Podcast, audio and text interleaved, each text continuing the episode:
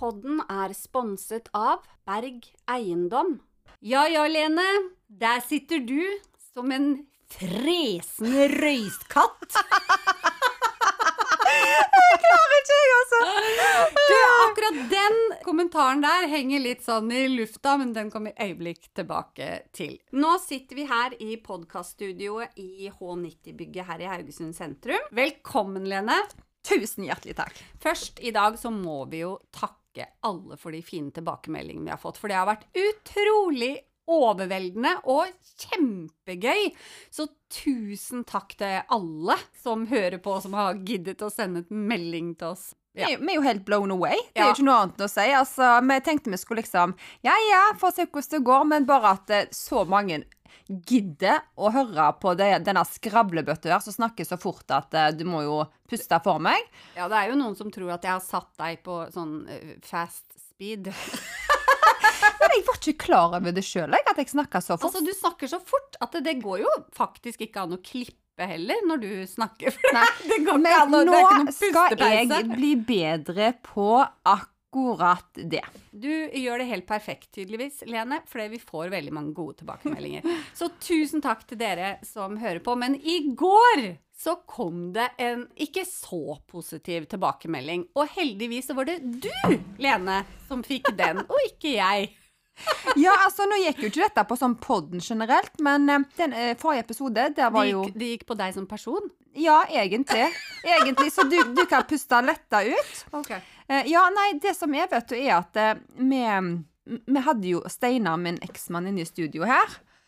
Og vi fikk jo så mange bra tilbakemeldinger på det. Det var hyggelig, og det tror jeg han syntes var hyggelig òg. Ja, og vi hadde han i studio i forrige sending fordi vi snakket om hvordan man gjør det når man er et par og har barn og går fra hverandre. Fordi det er veldig mange som eh, sliter med det. Og, men dere har fått det til å fungere veldig bra. Derfor snakket vi om det, og Steinar, eh, din eks, kom her i studio, og han snakket sammen med oss om det. Ja, og det som er det at vi er bestevenner, og det er jo et privilegium som vi har i livet. Ja. Men tilbake til denne tilbakemeldingen, for åpna jeg da en snap, faktisk. Jeg screenshotta den òg og sa at jeg gjorde det, altså. Bare til Og det var greit. Ja, ja, det vet jeg ikke helt. Men, eh, men uansett så står det Jeg er fra Det er jo der Steinar kommer fra. Men nå har det seg sånn, Lene. To ganger har jeg stått og snakket med Steinar ute på byen. Og du har kommet som en fresende røyskatt og dratt han vekk midt i samtalen med utropstegn. Så jeg tror nok du er sjalu når han snakker med damer på byen, og det er det flere som har opplevd. Punktum. Uff a meg. Men det jeg, første jeg tenker da, er jo For dere har eh, barn 50-50. Mm. Det er akkurat det vi har, skjønner du. Det er løye at du sier det, for at jeg screenshotta denne kun for å sende til Steinar. tenker jeg, ja, du må bare gi beskjed hvis jeg er litt vel ivrig på byen når du snakker med de damene. Da skriver han Vel, nå har det seg jo sånn at vi aldri er ute sammen fordi at vi har eh, barn på forskjellige helger. Og jeg kan iallfall ikke huske at du har kommet som en fresende røyskatt hvis vi da har vært ute. Og jeg kan heller ikke huske at jeg har snakket med hun, og heller ikke alle de andre damene hun, hun eh, reflekterer til. For det er jo en grunn til ikke jeg går på byen, da, sier han. Mm. Men, men uansett, eh, hvis det er noen som, som, som opplever meg som en fresende røyskatt i nærheten av Steinar, så er det bare til å beklage. For det, altså, han unner jo jeg, uansett hva menneske som kan gjøre Steinar glad, så lenge de er snille med, med meg og ungene, Ja. så er jo det det viktigste. Vi eh, ønsker at Steinar skal finne seg en dame, og jeg tror at etter denne episoden Så det blir det ikke hun.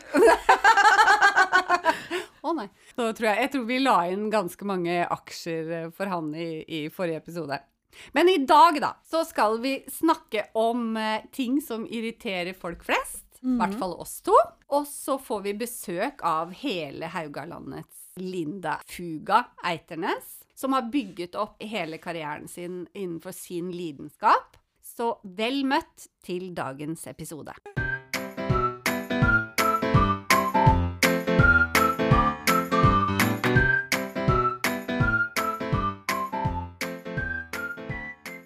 Jasmin, er du en person som lett lar deg irritere over småting i hverdagen? Nei, det er jeg ikke. Men altså, når du spør meg på den måten, så klarer jeg vel alltid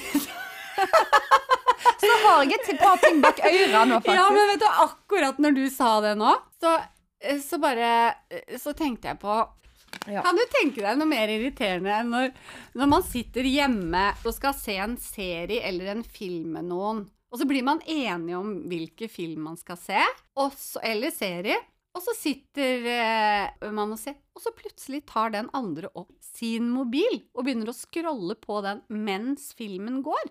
Det, det er det eneste jeg kan si i livet mitt, at det, det irriterer meg helt ekstremt. Det har du null toleranse for. Det har jeg Mm. ingen toleranse for.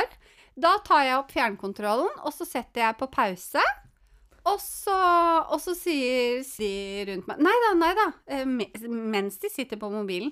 Nei da, bare, bare sett den på. Nei da, jeg venter til du er ferdig. jeg. Nei da, bare, bare sett den. Nei, det, jeg venter til du er ferdig. For denne skulle jo vi se sammen, og det er jo ikke noe vits i at det bare er jeg som ser. Ja, men det er jo, det er Og så går det fem minutter, og så er det Hva, hva, hva skjedde nå? Hvorfor, Hvorfor hvorfor sa det? han det? Nei, jeg vet ikke, jeg. Du var vel inne på et eller annet Veldig spennende. men- på Instagram. Du, da? Nei, altså, jeg tror ikke jeg er en person som lett lar seg irritere sjøl, men det er noen ting som jeg merker at jeg blir skikkelig irritert over. Den ene tingen er hvis at du står på butikken. Det er lang kø, de rusher. Du ser at eh, de foran deg har mye i handlekorgene sine. Um, Og du er stressa fordi du skal hjem. ja, og hente i barnehagen, Ja, ja, som jeg minst. da alltid gjør. Men hvis jeg da står der, og noen i tillegg har da sneket seg foran meg i køen, og den personen som sitter i kassen, gjør jobben sin sånn Pip.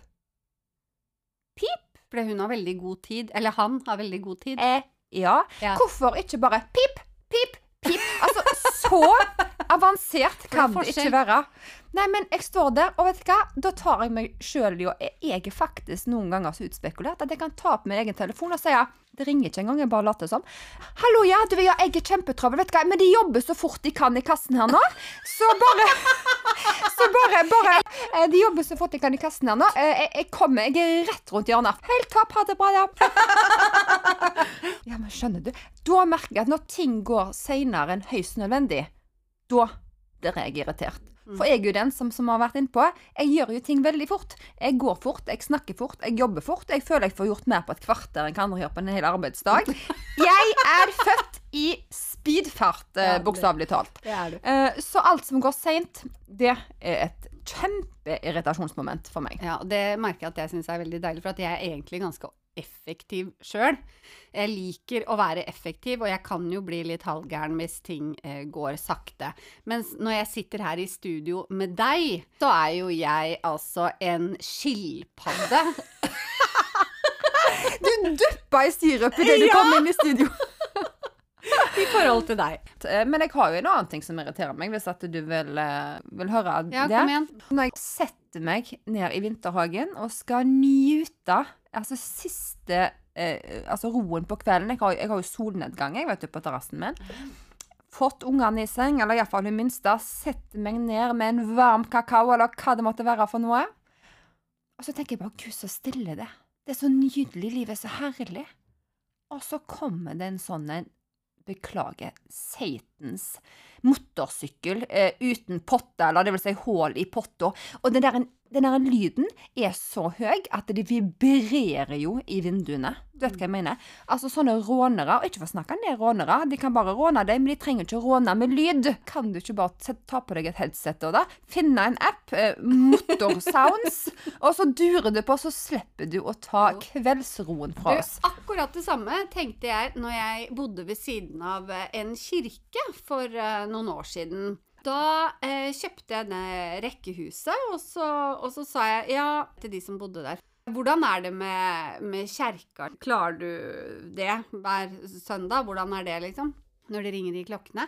Å nei da, sier de. Det blir du vant til etter to-tre helger. Altså, jeg holdt på å bli gæren.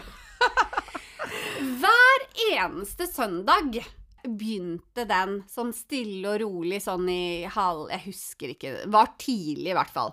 Så begynte det å ringe, og det holdt på, og det holdt på, og det holdt på. Jeg bodde der, husker ikke hvor lenge jeg bodde der, men i hvert fall et par-tre år. Jeg ble aldri vant med kjerkeklokkene der. Og da tenkte jeg hver eneste søndag så tenkte jeg Hvorfor kan ikke de som ønsker å høre kjerkeklokkene, skaffe seg en app? Og så kan den heller ringe hjemme hos de, ja. istedenfor at alle andre som slett ikke er interessert i å høre disse kjerkeklokkene, må få Kan ikke ha vindu Det hjalp jo ikke å ta vinduet igjen heller. Ne. Ingenting hjalp, liksom. Ja, men da lurer jeg på, når du skulle selge denne, dette rekkehuset ditt, hva svarte du? Sa ikke et ord om det. Herregud, nå bare kommer det til meg ja. ting som irriterer meg. det er ikke bra. Yeah, bring it on. Bruksanvisninger. Jeg vet at dette her er felles for veldig mange jenter, damer, at de ikke klarer uh, bruksanvisninger. Jeg er i hvert fall en av de som ikke fikser bruksanvisninger. Jeg er litt sånn at hvis jeg ikke forstår det, Eh, når, det, når, jeg har fått duppedingsen foran meg, så nei, da, det, da, virker det ikke, da. Eller så får jeg det ikke til. Og um, senest i går så uh, Jeg driver jo også uh, learning by doing uh, på å, å, klippe denne podkasten som vi holder på med. Og så sier min mann, som er langt over snittet teknisk eh, anlagt, og som jobber med eh, internett og eh, data, data og sånn, eh, så sier han du, jeg har lagt noe fram til deg eh, nede som jeg vil at du skal se på, om hvordan man normaliserer lyden. for det har jo vært en, en greie som kan være litt vanskelig for oss som ikke er så rutinerte enda. Og da, bare, da merker jeg bare at rullegardina går ned hos meg. Så sier jeg ja, er det en sånn 15-siders greie, det, da? Som jeg liksom skal lese meg igjennom? Nei, nei, nei, det er bare tre minutters film du skal se. Tre minutter?! det, det, klarer jeg jo ikke! Jeg, jeg blir irritert av det. Hva mm. med deg og bruksanvisning? Liker du bruksanvisninger? Det er noe Gjør du? Ja.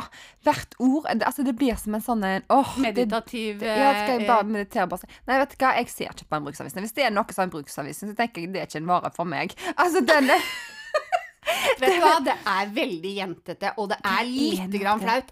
For at det, mannen min, han kan sitte og lese, altså lese en bruksanvisning. Mm. Eh, kose seg med det, på en måte. Mm. Det, det, får fram det onde i meg. Ja, nei, det, nei, som sagt, jeg kjøper ikke noe hvis jeg ser at dette må jeg sette sammen sjøl på en sånn spesiell måte. Mm.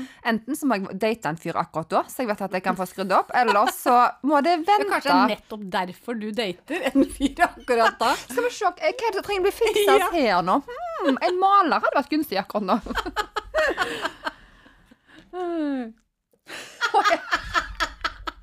Og jeg kan bare gå hele tida. Nei, jeg skulle Og det er én ting til, faktisk.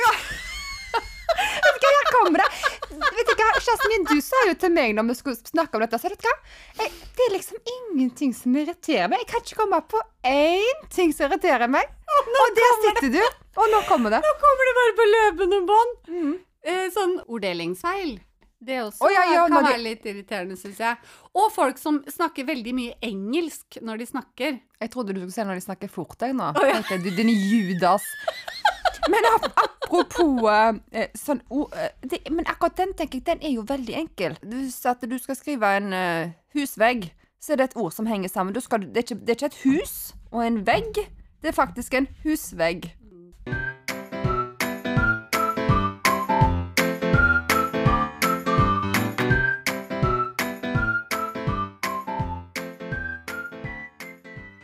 Linda hun eh, driver jo for seg selv og jobber med sin lidenskap. Men hva har vært din drivkraft gjennom eh, livet, Lene? Det er jo et ganske stort spørsmål, da. Ja, ja det, er det. Og så er det det at det forandrer seg etter hvert òg, vet du. Eh, når vi blir eldre, altså drømmer forandrer seg. Selve drivkraften, hva som driver deg, forandrer seg. Eh, men for meg tidlig eh, så var det ganske viktig å vise at jeg kunne få til ting som folk sa at det går ikke an. Og det ble egentlig ganske tidlig når eh, For jeg hadde ei søster som på universitetet, og gikk liksom den der en veien du skal gå da for å ha en god karriere. Jeg var litt sånn farsbaden som skulle gjøre ting selv om jeg ikke nødvendigvis hadde kvalifikasjoner på et papir, da. Så tidlig så skulle jeg bevise at jeg kunne jobbe f.eks. med det som jeg har gjort lenge, med markedsføring. For selv om det har vært blogg, eh, så er jo det, det er jo markedsføring. Det gjelder jo å få fram et produkt uansett, da. Så det gjorde jeg tidlig, og gikk og søkte da på jobber som jeg absolutt ikke hadde papirer på. Mm. Så spennende. Fikk du noen av de jobbene? Ja, det var, jeg søkte på en jobb. Det var etter stylistskolen, for jeg er jo egentlig utdanna stylist. jeg. Og da på den tida var det finn.no, det er du ennå når du skal finne jobb, eh, men der sto lønn eh, på Finn før. Hva du kunne få i lønn. Og i, i og med at jeg hadde vært student og, altså på stylistskolen, så var jeg veldig keen på å få meg en eh, jobb med gode penger. For da hadde jeg levd på det der en få tusenlappene i måneden. Nei, men Da søkte jeg på en stilling i SGS Communication i markedsbransjen. Eh, kom der med porteføljen min med, med før- og etterbilder og sånn, som hadde null betydning for det som jeg skulle ut i. og tenkte at jeg, da tar jeg de bare på personlighet, for veldig mange jobber da eh, må deg til uansett. Så jeg fikk den jobben, og etter det så har jeg vært så heldig å bli headhunta til jobbene. Eh, men det gjorde jeg. Du, altså. Nei, men jeg, jeg har aldri vært redde for å feile. Og det tror jeg den må du ha hvis at du skal drive for deg sjøl, eh, eller jobbe deg opp. Du, hvis du hele tida er redd for å feile og gå utenfor komfortsonen, da blir du stuck. Du må ta den sjansen på å kanskje høre at nei, her har du ingenting å gjøre, eller Men du må faktisk tørre å gjøre det eh, hvis du skal komme deg opp. I hvert fall hvis ikke du har papirer på absolutt alt, sånn som jeg da ikke hadde. Mm. Du, da? Drivkraften min, den eh, Som du sier, så endrer jo da som, som driver deg, endrer seg jo med alder og hvilken situasjon man er i i livet. Jeg bestemte meg jo når jeg var tolv år for at jeg skulle bli skuespiller, og ble det. Og så var jeg det i mange år, før jeg tenkte at eh, jeg har lyst til å ha noe som er litt mer stabilt, og ble da hudterapeut. Men nå er jeg altså blitt uh, sykepleier, så nå er det å sette seg et mål til. Skal ja. jeg på noe videreutdanning, kanskje? Så nå er det doktor neste, lege. Jeg har alltid vært redd for å, at jeg skal gå av med pensjon og sitte og tenke Jeg tenkte jo så lenge på det, hvorfor gjorde jeg ikke det? Så det er vel kanskje derfor jeg har endt opp med tre utdannelser. Eh, fordi målene mine og drivkraften endret seg ettersom jeg ble eldre, da. Nei, det er sant det du sier om at eh, ting forandrer seg. og jeg merka jo etter jeg hadde vært blogger Jeg følte vel til tider at jeg ble, måtte begynne kanskje på minus ti års folk. For i noens øyne så er man jo automatisk mindre intelligent hvis at du velger å utlevere deg på noen som helst måte. Men det som jeg husker jeg svarte på det, var at du skal være ganske intelligent eh, hvis at du får betalt for ting som andre må kjøpe, faktisk. Eh, det var jo én ting. Eh, men så merka jeg jo at det jobbene jeg hadde etterpå, eh, som avdelingsleder i reklamebyrå, som sponsor, markedssjef i Toppserien, som noen kjenner til, så kom jeg vel til et punkt der, spesielt etter det, der jeg tenkte Hva er det egentlig jeg har lyst til nå? Hva er det som driver meg med det? For når du når en viss alder òg, så er det ikke lenger altså arbeidstittelen og lønna du går etter. For du vil egentlig bare være i zen og harmoni. Eh, så det er noe som jeg har reflektert veldig over.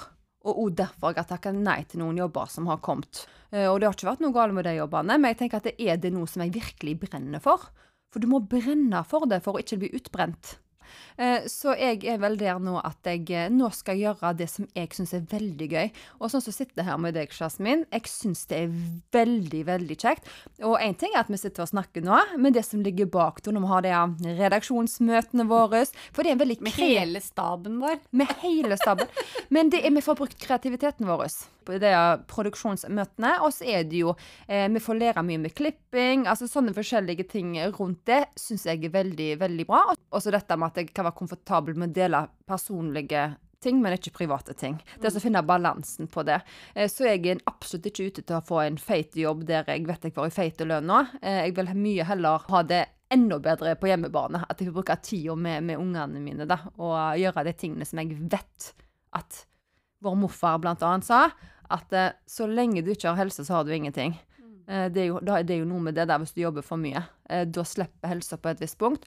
Og jeg vil ha en jobb som jeg merker at eh, jeg eh, koser meg med. Det er det viktigste for meg nå. Absolutt ikke lønn. Mm. Ja, det er noe med det å komme til et punkt i livet hvor man tenker hva er det jeg kan gjøre for at jeg skal ha overskudd når jeg kommer hjem? Eh, nå er jeg helt nyutdanna, og det har vært noen eh, kjempestressende år fylt av alvor. Det er jo egentlig nå alvoret begynner, for nå er jeg jo nettopp begynt i, i ny jobb. Det er jo eh, utrolig skremmende i seg sjøl. eh, men det å ha muligheten til å utøve det som jeg har jobbet hardt for nå i tre år, det er jo en gave å eh, få en så fin jobb som jeg har fått. Ikke minst det at jeg kan kombinere det med å være kreativ her sammen med deg. Det er jo kjempebonus. Så eh, vi er jo heldige begge to. Vi er jo kjempeheldige. Jeg synes det er, det er altså For meg det er litt sånn som jeg tror musikere har det. Dette, det du hører jo ofte den der jeg, Min drøm er å leve av musikken. Og jeg, jeg merker at det er litt sånn nå, i og med at jeg syns dette er så utrolig gøy. Hvis vi kunne levd av dette at jeg kunne levd av å sitte og jobbe med den podkasten, så merker jeg at det er jo min drømmejobb. Vi ler jo mye når vi sitter her. Heldigvis så gjør vi det. Ja. Eh, men, men det er jo veldig givende. Mm. Så nå er jo drivkraften min å gjøre ting bra her, og gjøre ting bra på jobben min. Mm. Og min drivkraft er igjen eh, når folk sier eh, det skal veldig mye til å leve av det, altså. Men man må prøve. Og går det ikke bra, så går det over, og da er det nye dører som åpner seg.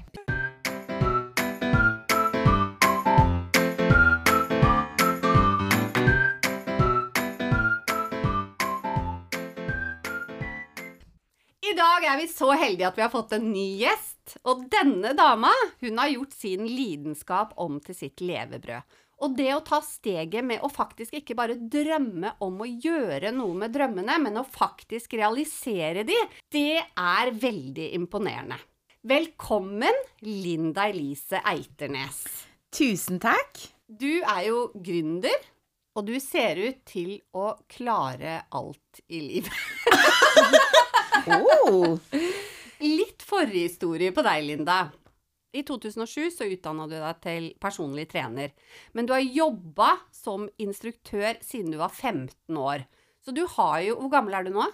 43, jeg måtte tenke nå. Ja. Mm. 43 år. Og du har jobba med trening hele livet, utenom når du dro til Sør-Amerika for å danse. Og så har du jo tatt fag også på universitetet. Mm. Spansk, engelsk og kroppsøvning, må vite. Det stemmer. Og nå har du altså treningsstudio. Før vi går dit I forrige klipp, før du kom, så snakka vi om eh, ting som irriterte oss.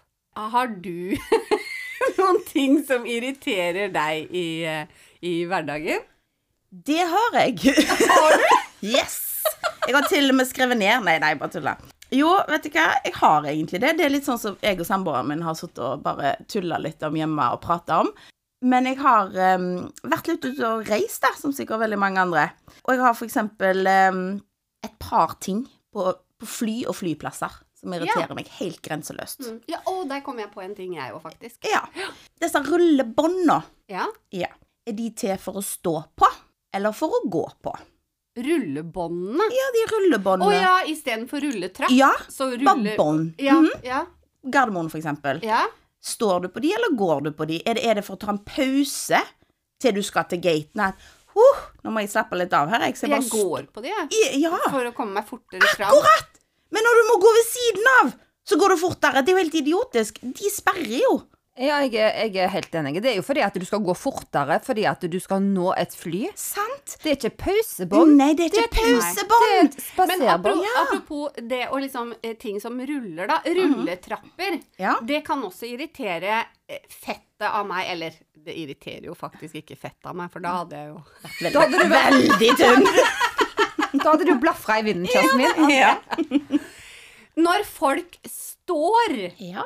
Eh, eh, både på høyre og venstre side, det er til å bli gæren av. Fordi at man skal faktisk stå i en rulletrapp til høyre, og så skal de som skal forte seg, som har dårlig tid, de kan løpe opp trappa på venstre side. Ja. Ja. Men vet du hva? Det tror jeg, hvis du ikke har bodd gjerne i Oslo eller andre større byer, så er du ikke helt klar over det. For ego er så vant med det fra de årene i Oslo, at alle vet det. For Ja. der er det så mye rulletrapper. Når du skal opp og ned til T-banen, til toget, overalt, så er det rulletrapper. Og det er en uskreven regel. Mens på Amanda-senteret, eksempel her oppe, eller hvor som helst, Her i Haugesund, ja. ja. Så er det ingen som tenker på det. For det første så er det ikke så mye folk. Eh, og for det andre så føler jeg at rulletrappen er smalere. Det er ikke plass, egentlig. Det er bare plass til én person om gangen, liksom. Eh, så jeg tror det er litt sånn storbyfenomen, jeg. Eh, Men det er kanskje bare noe man tenker på hvis man har bodd i en stor by, som du sier. Det var jo ikke jeg som skulle snakke om, for nå har jeg snakka masse om hva som irriterer meg. Ja, jeg har flere ting, jeg. Ja, så det, god, vi var jo på flyplassen. Så når du endelig har kommet deg til gaten og skal om bord på dette flyet Jeg husker når ungene var små, så drilla jeg dem på det. OK, når vi kommer om bord i flyet, vi sperrer aldri midtgangen. Opp med håndbagasjen i bagasjerommet der, den luka, over deg. Sett deg inn. Ikke stå og dridle i midtgangen. Det er jo kjempeirriterende. Og så står Jeg vet ikke hva hva holder de på med, egentlig. Jo, jeg vet hva de holder på med. Ja. De, de møter folk som ikke har sett på lenge, så finner de ut at de skal til samme destinasjon. Så skal de stå der og si «Å, 'Neimen, god dagen, Solveig, skal du og til Alicante?' Ja. Nei, nei, gud, Hans, er det deg? Ja, gud, hvor skal du sitte?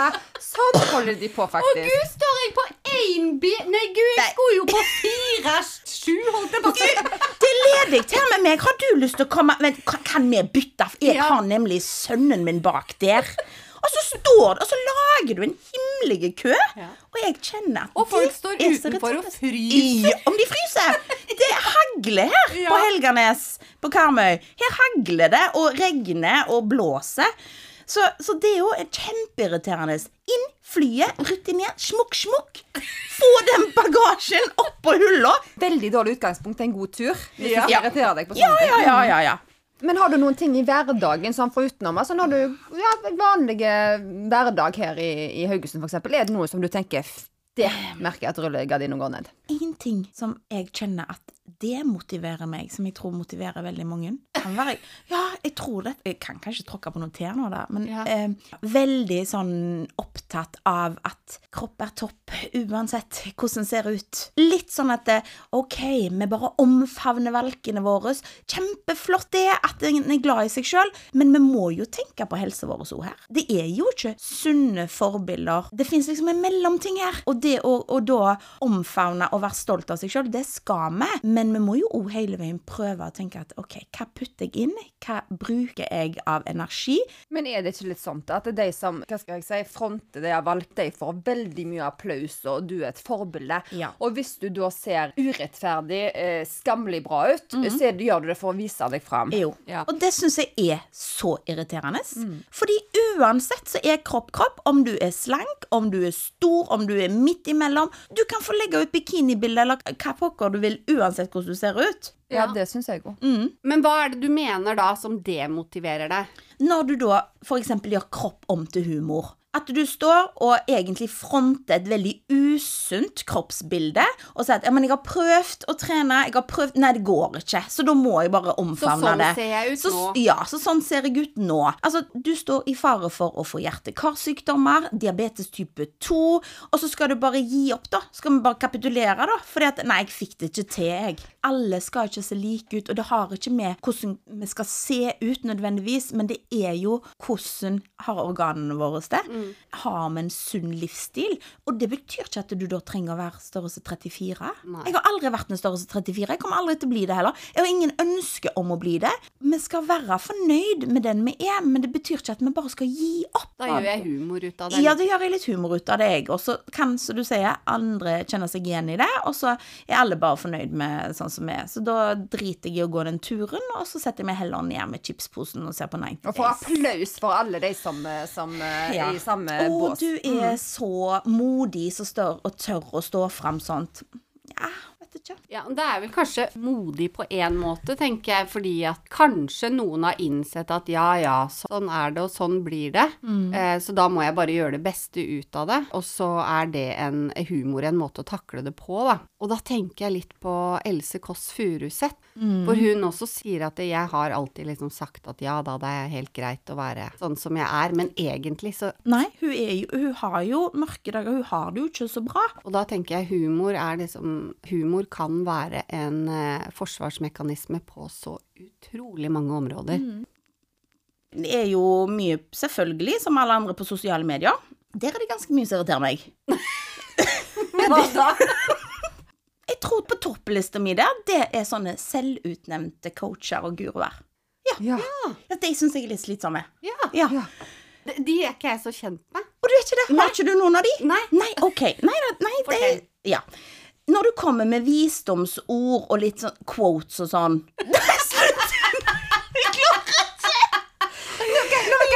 skal jeg forklare hva som skjedde i studio. Nå, nå pekte du på meg, og jeg har akkurat forklart. Jeg pekte på Lene fordi Jeg dør. I forrige episode så sa jeg at jeg kan legge ut noe hvis jeg syns det er noen, en veldig bra ting som noen kan ha bruk for.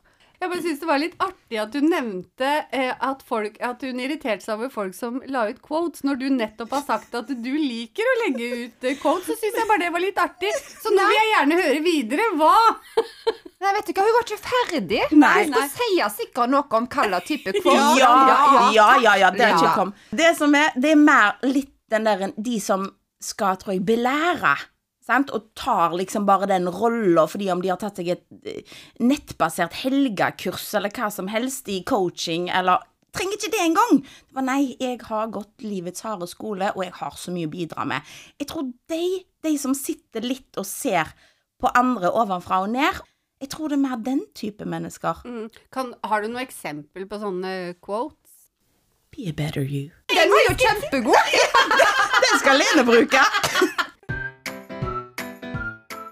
Når du starta ditt eget treningssenter i 2012, hva var det som var din drivkraft da? Hva var det som var viktig for deg? Det var viktig for meg å skape et sted hvor alle kunne føle seg vel, og alle kunne bli sett. For da hadde jeg jobba i noen år som personlig trener, eh, og de fleste kundene mine var damer. Og jeg merka det at jeg sleit litt med å få de inn i frivekstavdelingen. Hva betyr det? Eh, der som en trener med hantler, da, og frivekter. For der er det mest menn, og det er kanskje de som løfter veldig tungt, og som uh, lager litt lyder når de løfter, og, og skriker litt, og det blir litt sånn avskremmende, da, for kanskje en eller annen ny dame som aldri har vært på treningssenter før. Så tenkte jeg at eh, fader, jeg har lyst til å skape litt mildere, på en måte, miljø som kan òg tiltrekke seg disse damene, da. Og selvfølgelig andre som gjerne ikke har trent så mye før. Ikke bare damer. Men det Så det var liksom en tanke jeg hadde. Og så hadde jeg òg en drøm om å skape et senter som ikke bare hadde trening, men òg med velvære og en god eh, stemning, hvor du kjente at åh, kan senke skuldrene litt og komme inn her, og ikke føle at du må gå i de nyeste, hippeste treningsklærne og, og føle at alle ser på deg når du kommer inn dørene, men at du faktisk bare kan få et hei og bli sett og få den hjelpa du trenger. Mm. Men når du sier at eh, du ville skape et senter som var litt mildere, hva er det du har gjort da for at du føler at det, det har fungert, at du har dratt til deg de, de damene og andre som, eh, som du har nå på senteret? Eh, det har nok med rammene rundt, sant? at vi kan tenne litt lys, vi kan Det er nok litt mer Det er ikke et sånt hardt senter. Så kommer du, hvis du skal trene for å stille i fitness eller uh, noe annet, så går du kanskje ikke til oss, og det er helt greit, for jeg syns det er bra at vi alle er forskjellige. Litt disse tingene som med estetikken, da. At det ser fint ut, at du kjenner Du føler deg velkommen når du kommer. Jeg har jo mamma i resepsjonen, for eksempel, som alltid sier hei når du kommer og når du går. Det er et betjent senter, så det er alltid folk på huset. Så litt de tingene der, tror jeg. Og så har vi jo en veldig altså, variert timeplan, da, så jeg har jo mye timer. Men når du starta for deg selv, for det er jo noe med å, å ha de drømmene, og så er det en helt annen ting å faktisk gjøre noe med det og realisere det, som jeg sa innledningsvis. Hvor skummelt er det egentlig? For det er jo veldig mange som, som går rundt med drømmer ø, om å skape sitt eget. Og så stopper det der, på en måte, fordi at det, det blir for skremmende. Ja, jeg vet ikke, men jeg kjenner egentlig ikke at jeg er så redd for sånne ting. For jeg tenker at eh, jeg satser aldri mer enn jeg kan tape, eksempel. Jeg gikk jo ikke inn i dette og tenkte at ok, hvis dette ryker nå, så ryker både hus og hjemmet mitt, liksom. Så ok, går det ikke, så går det ikke. Nei, men da prøver jeg på ny, da. Hva er det verste som kan skje? Jeg tenker jo ofte sånn, hva er det verste scenarioet? Det er vel å miste hus og hjem og Ja, men du, du Det er jo et aksjeselskap, da. Sant? Så du, du trenger jo ikke det, på en måte. Og som regel så har en jo flinke folk rundt seg som hjelper i form av regnskapsfører og, og andre gjerne i styret, som kan hjelpe og ta gode avgjørelser og se til at alt er bra. Eh, Men kan ikke du fortelle litt om det, Linda? Når du tenker sånn, ok, greit, nå ønsker jeg å sette i gang, jeg ønsker å drive for meg sjøl. Nå snakket du om AS, og du har da tydeligvis et AS. Hvor starter man, hvis det sitter noen rundt her nå med en gründerdrøm i, i magen, hva er det første vi, eh, første vi gjør? Jeg hadde jo først et enmannsforetak, så jeg begynte jo litt i de små.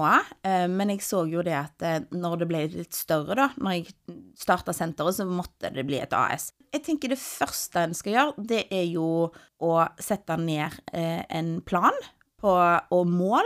Hva ønsker en? Se litt rundt i nærområdet. Hva er det som mangler her? Hva er det liksom som trengs? For det gjorde vi. Vi kartla jo ganske mye i forkant om OK, hva har Haugalandet i form av treningssentre, eksempel? Jo, de har sånn type senter og sånn type senter. OK, kan vi bidra med noe annet? Kan vi være litt annerledes? Så vi lagde jo en, en strategiplan. Og så var det jo å kontakte en regnskapsfører som kunne hjelpe oss i gang. Og da er det jo Har du en god regnskapsfører, så vil jo han eller hun hjelpe med Brønnøysund og få stifta dette AS-et. Sette inn aksjekapitalen, selvfølgelig. En må jo i banken og starte opp en bedriftskonto og alle de tingene. Så, for jeg er ikke noe særlig på økonomi og tall sjøl. Jeg syns det er veldig greit at noen andre gjør det, og så gjør jeg det som jeg er god på. Så hvis du har flinke folk rundt deg da, så kan de hjelpe deg med de tingene, og så kan du få lov til å drive på med det som du faktisk er god på. Men sier banken, eh, har de noe myndighet over dette? Kan de si at nei, dette tror vi ikke går rundt, eller er det sånn at du bare kan gå i banken og si jeg skal starte et AS, eh, det er regnskapsføreren min, hjelp meg, eller sett i gang. Ja, nei, så lenge du har det AS-et da, så kan du gå i banken, så får du en bedriftskonto. Og så eh, blir det jo satt inn en aksjekapital, og så starter en jo derifra. Og så sa jo da eh, regnskapsføreren litt overordna eh, oppsyn på hva som på en måte skal inn, og hva som skal ut, og hva en trenger å kjøpe i en oppstartsfase. Men hva syns du er altså fordeler og ulemper med Du sa jo at du hadde enkeltmannsforetak. Det er jo nå at du ikke har ansatte. Da er det kun deg sjøl. Og så går du over til et AS. Mm. eh, du sa òg eh, innledningsvis at det, det er jo et AS, så da risikerer du jo ikke så mye. Hvorfor er det lurt å gå over til et AS? For da, blir du på en måte en ansatt i selskapet. Mens med enkeltmannsforetak så er privatøkonomien og måte jobben din ett. Så derfor så er det litt skumlere. Sånn sett. Men altså, det spørs jo hva format du driver i. Er det litt sånn på si, det, så er det jo helt topp med et enkeltmannsforetak. Absolutt. Og så må du ha en aksjekapital på 30 000 sant? hvis du skal ha et AS. Men hvor mange ansatte har du? Nå er vi vel rundt eh, ca. 14-15, men det skal jo sies at vi er tre-fire som jobber der, altså tre stykker som jobber fullt. Men de aller fleste går jo inn på timebasis. De har jo kanskje bare én til to timer i uka som instruktører. Men jeg har jo da en frisør og en muskelterapeut, eh, og hun, jobber, hun muskelterapeuten jobber for seg sjøl, og så leier hun hos meg. Hvordan mener du at en god sjef skal være? Jeg føler jo sjøl, da, en, en god leder er den som er med og drar sjøl. Og ikke sitter på toppen og bare delegerer, men faktisk er med. Forskjell på sjef og leder. Ja, det er det. Absolutt. Der er jo et sånn fint bilde òg på det. Når noen En veldig fin quote, faktisk. Ja! Veldig bra quote på det der! Og det er jo dette bildet med når eh, en person drar, ikke sant, med de ansatte, eh, og så har du da det andre bildet hvor sjefen da sitter på toppen og, Og ned, fing, og, ja. sant, hva de skal gjøre. Ja. Så jeg har jo lyst til å være den som er med og drar, eh, samtidig som ja, det er vanskelig når du sier fordi at jeg jobber såpass mye sjøl og har kunder og timer, så føler jeg jo ikke alltid at jeg rekker over å gjerne være der 100 for alle hele veien, men de vet at jeg er der, de kommer. Og så tror jeg òg at de føler på et eierskap, de òg. Fordi jeg stoler sånn på den jobben de gjør, og jeg ser at de gjør det bra, så jeg har ikke noe behov for å gå over og liksom hauke over de hele veien. For jeg ser at de er veldig dyktige, og jeg er kjempeheldige som har så flinke folk. Og det er jo da ofte vi holder på ansatte òg, da. Ja. Eh, Når de faktisk får lov til å gjøre det på sin måte til det motsatte er bevis, holdt jeg på å si. Sant. Frihet under ansvar, det er kjempeviktig for å holde på gode folk. For gjør vi ikke det, og de får den følelsen av at her er det noen som bosser meg rundt, Ja. så er de de første som stikker. Og da mister du faktisk god kompetanse over til andre, andre steder. Det. Du gjør det. Det er helt sant. Og dette er voksne folk jeg har i arbeid, som har vært i arbeidslivet i mange mange år og har masse erfaring, så jeg vet at de har mye å bidra med. Så jeg hører på det hvis de ønsker å prøve ut noen, ut noen nye timer, eller hva det måtte være, eller at vi skal ta inn noen nye konsepter, så, så prater vi om det, og så får de prøve seg på det. Fordi det er så viktig at de holder motivasjonen oppe. De skal synes at dette er gøy. Vi skal jo være instruktører til vi ikke orker mer. Men du Linda, du har gjort dette i mange år nå. Kan du gi meg noen eksempler på fordeler og ulemper med å drive for seg sjøl? Eh, ja. Fordelene er jo så klart at du kan få gjøre det på din måte. Du kan bestemme litt arbeidstider sjøl. Selv om det blir mye sene kvelder og helger og sånne ting, så kan du allikevel, hvis det, ungene mine har hatt en kamp, eller det skulle være et eller annet, så ser jeg at OK, men her kan jeg faktisk ordne meg. Det er ikke sånn at jeg må være en plass fra klokka åtte til fire, liksom. Så det er jo en fordel. Eh, og da få gjøre det på sin måte, og ikke ha noen som står og bosser over deg, selvfølgelig. Ulempen er jo at du sitter med ganske mye ansvar for ansatte. Jeg er jo livredd for at det ikke skulle gått bra, så kjenner jeg på det ansvaret overfor deg. Samtidig som jeg må gjøre litt sånn kjedelige ting som jeg absolutt ikke syns er gøy i det hele tatt. Som har med økonomi og tall å gjøre, og ja, litt sånn kjipe avgjørelser. Men Ja, det er, jo, det er jo et poeng, men det blir jo det blir jo noen søvnløse netter av å drive for seg sjøl, for det går jo ikke alltid bra hele tida. Noen ganger så går det jo dritdårlig, og det tror jeg er veldig vanlig, at det er opp og ned. Mm, det er helt klart, og det har jeg virkelig fått kjent på, på kroppen òg. Og da er det bare OK, brett opp armene, hva gjør vi nå? Og da er det Ja, da, jeg jobber best på kveld og natt. Da spinner det greit i hodet hos meg. Så da sitter jeg gjerne og skriver litt ned tanker og ideer. Hva skal jeg gjøre? Og så ja, er det bare å kjøre på, fordi det er eneste måten å få det opp og gå. Ja, for det tror jeg er viktig. Altså, det å ta noen evalueringer underveis. Hva er det som fungerer, og hva er det som ikke fungerer? Og faktisk eh, ta så sila ut litt, og så få noe nytt inn. Og du har jo fått flere og flere ting inn på senteret. Er det noe som du har følt deg fram på, eller har det bare kommet naturlig at nå ønsker jeg å være brun hele året, så nå starter jeg med Sprite her? Ja, sant? Ja, ja, det er et godt poeng. Jeg kjente litt på det, for jeg hadde ikke lyst til å ta så mye solarium, ser du, for det er ikke så bra. Nei da. Men eh, det, jeg, det er jo litt det der. Altså, rommet ble ikke bygd på en dag, liksom. Det kommer Det er stein for stein. Men samtidig så Jeg er ikke den som planlegger. Jeg setter ikke opp en femårsplan, eksempel, og tenker at der skal jeg være. Eller sette opp et årshjul. Jeg er ikke så veldig god på det. Så jeg winger det litt underveis, og ser litt på OK, hva er inn nå? Hva, hva føler jeg mangler eh, her hos oss, og ikke minst rundt oss? Og så reiser du også for å hente inspirasjon, gjør du ikke det? Jo, jeg gjør jo det. Eh, Jeg er jo en del selvfølgelig i Oslo, hvor jeg har datteren min, og så reiser jeg ellers og ser liksom på hva som er trender sant? innen trening og velvære. Hva er det som funker nå? Og du nevnte det med spraytan. Ja, det kom jo for mange, mange år siden, men så har det jo bare dødd ut. Men så har det plutselig blitt en oppblomstring igjen. Tenkte jeg at ah, det er det ikke så mange som gjør Det her. har ikke vært så veldig pent vær her i Norge de siste månedene, så Nei. la oss ta den. Men er det ikke litt sånn at eh, målene endrer seg etter hvert som man blir eldre, og dermed så vil vel kanskje drivkraften også endre seg? Hvordan har det vært med deg? Har du liksom hatt ett mål fra, fra du begynte senteret, og så har du det samme målet nå? Eller har du nådd alle målene dine, eller har de endret seg underveis? Nei, de har nok absolutt endra seg underveis. Og jeg tenker at hvis jeg hadde sittet her og sagt nei, men når jeg har nådd alle målene, da kunne jeg jo bare gitt opp. liksom, Jeg er jeg ferdig, da. Så jeg har jo hele veien nye mål, nye visjoner. Hva kan jeg gjøre framover?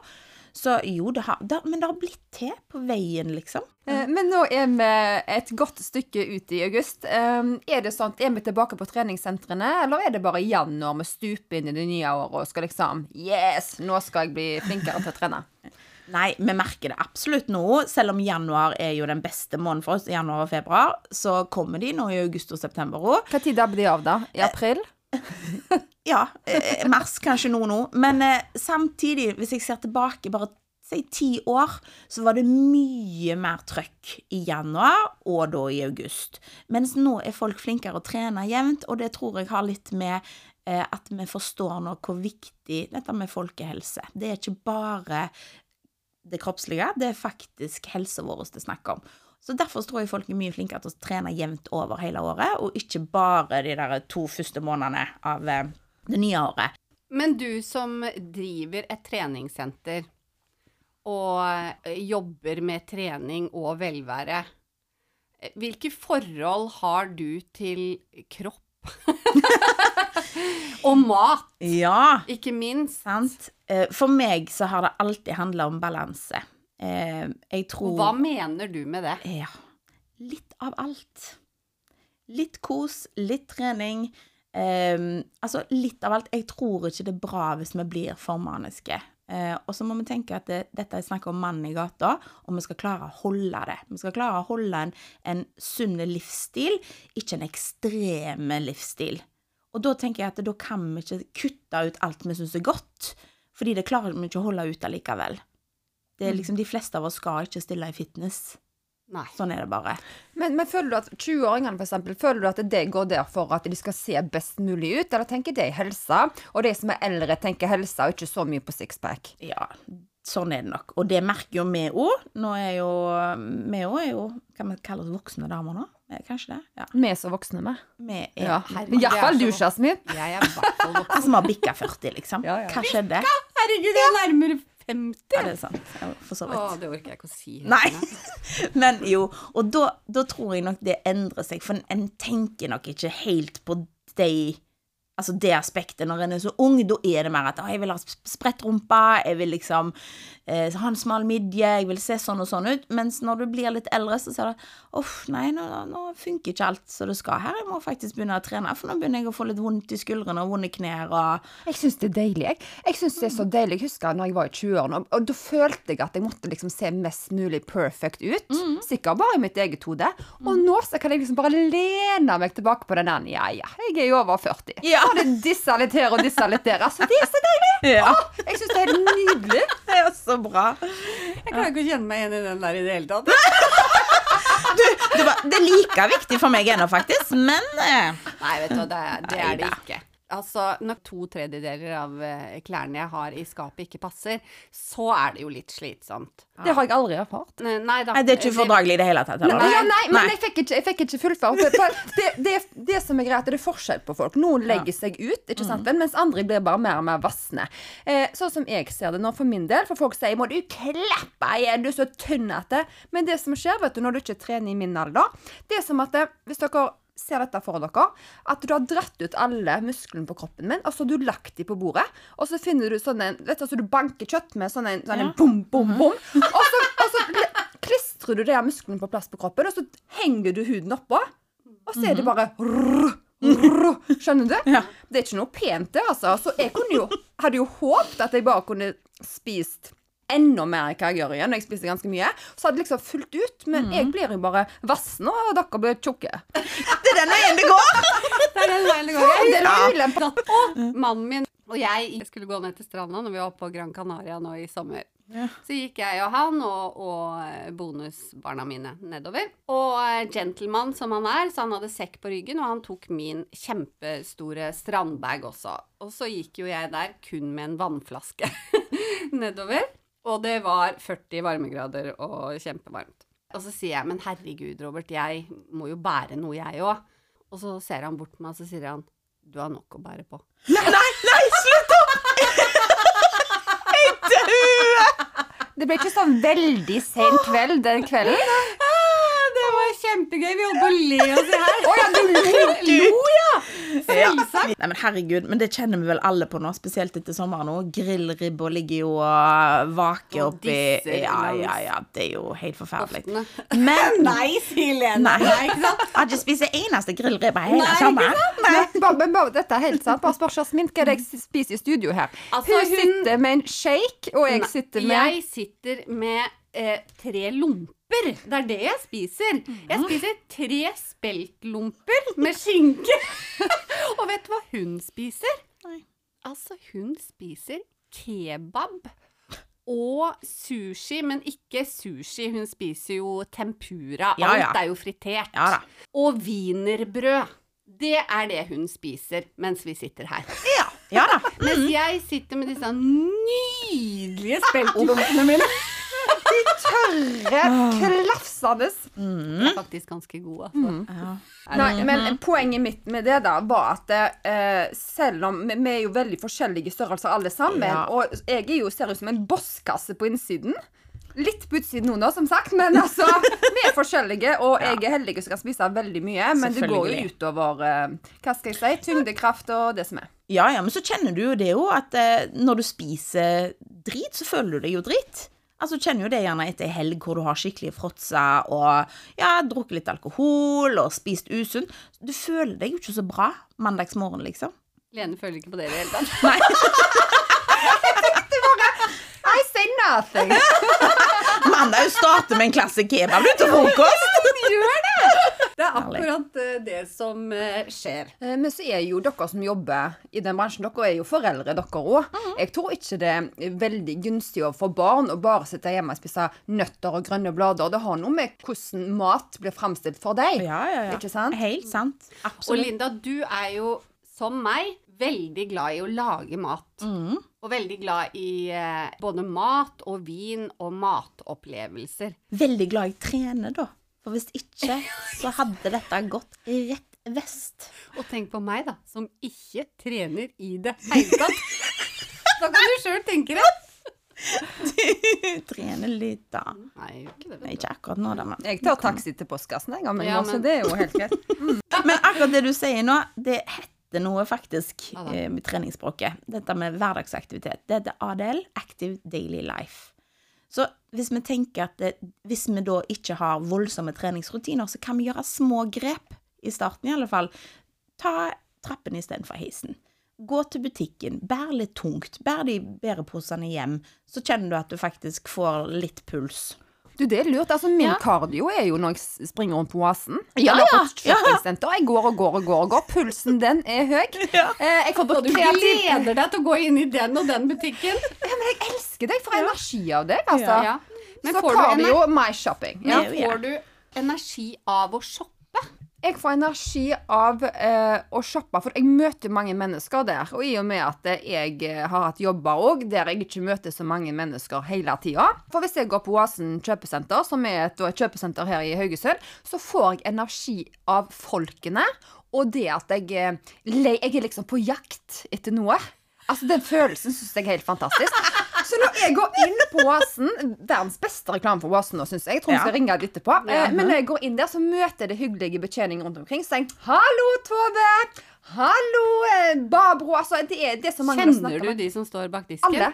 Så å si absolutt alle. Jeg bor ganske nærme dette senteret, og jeg har jo hatt det Tidligere så jobba jeg med Bli ny og så videre, så jeg, jeg har vært veldig mye på Oasen. Jeg tror ikke jeg overdriver når jeg sier at jeg er der minst tre-fire ganger i uken.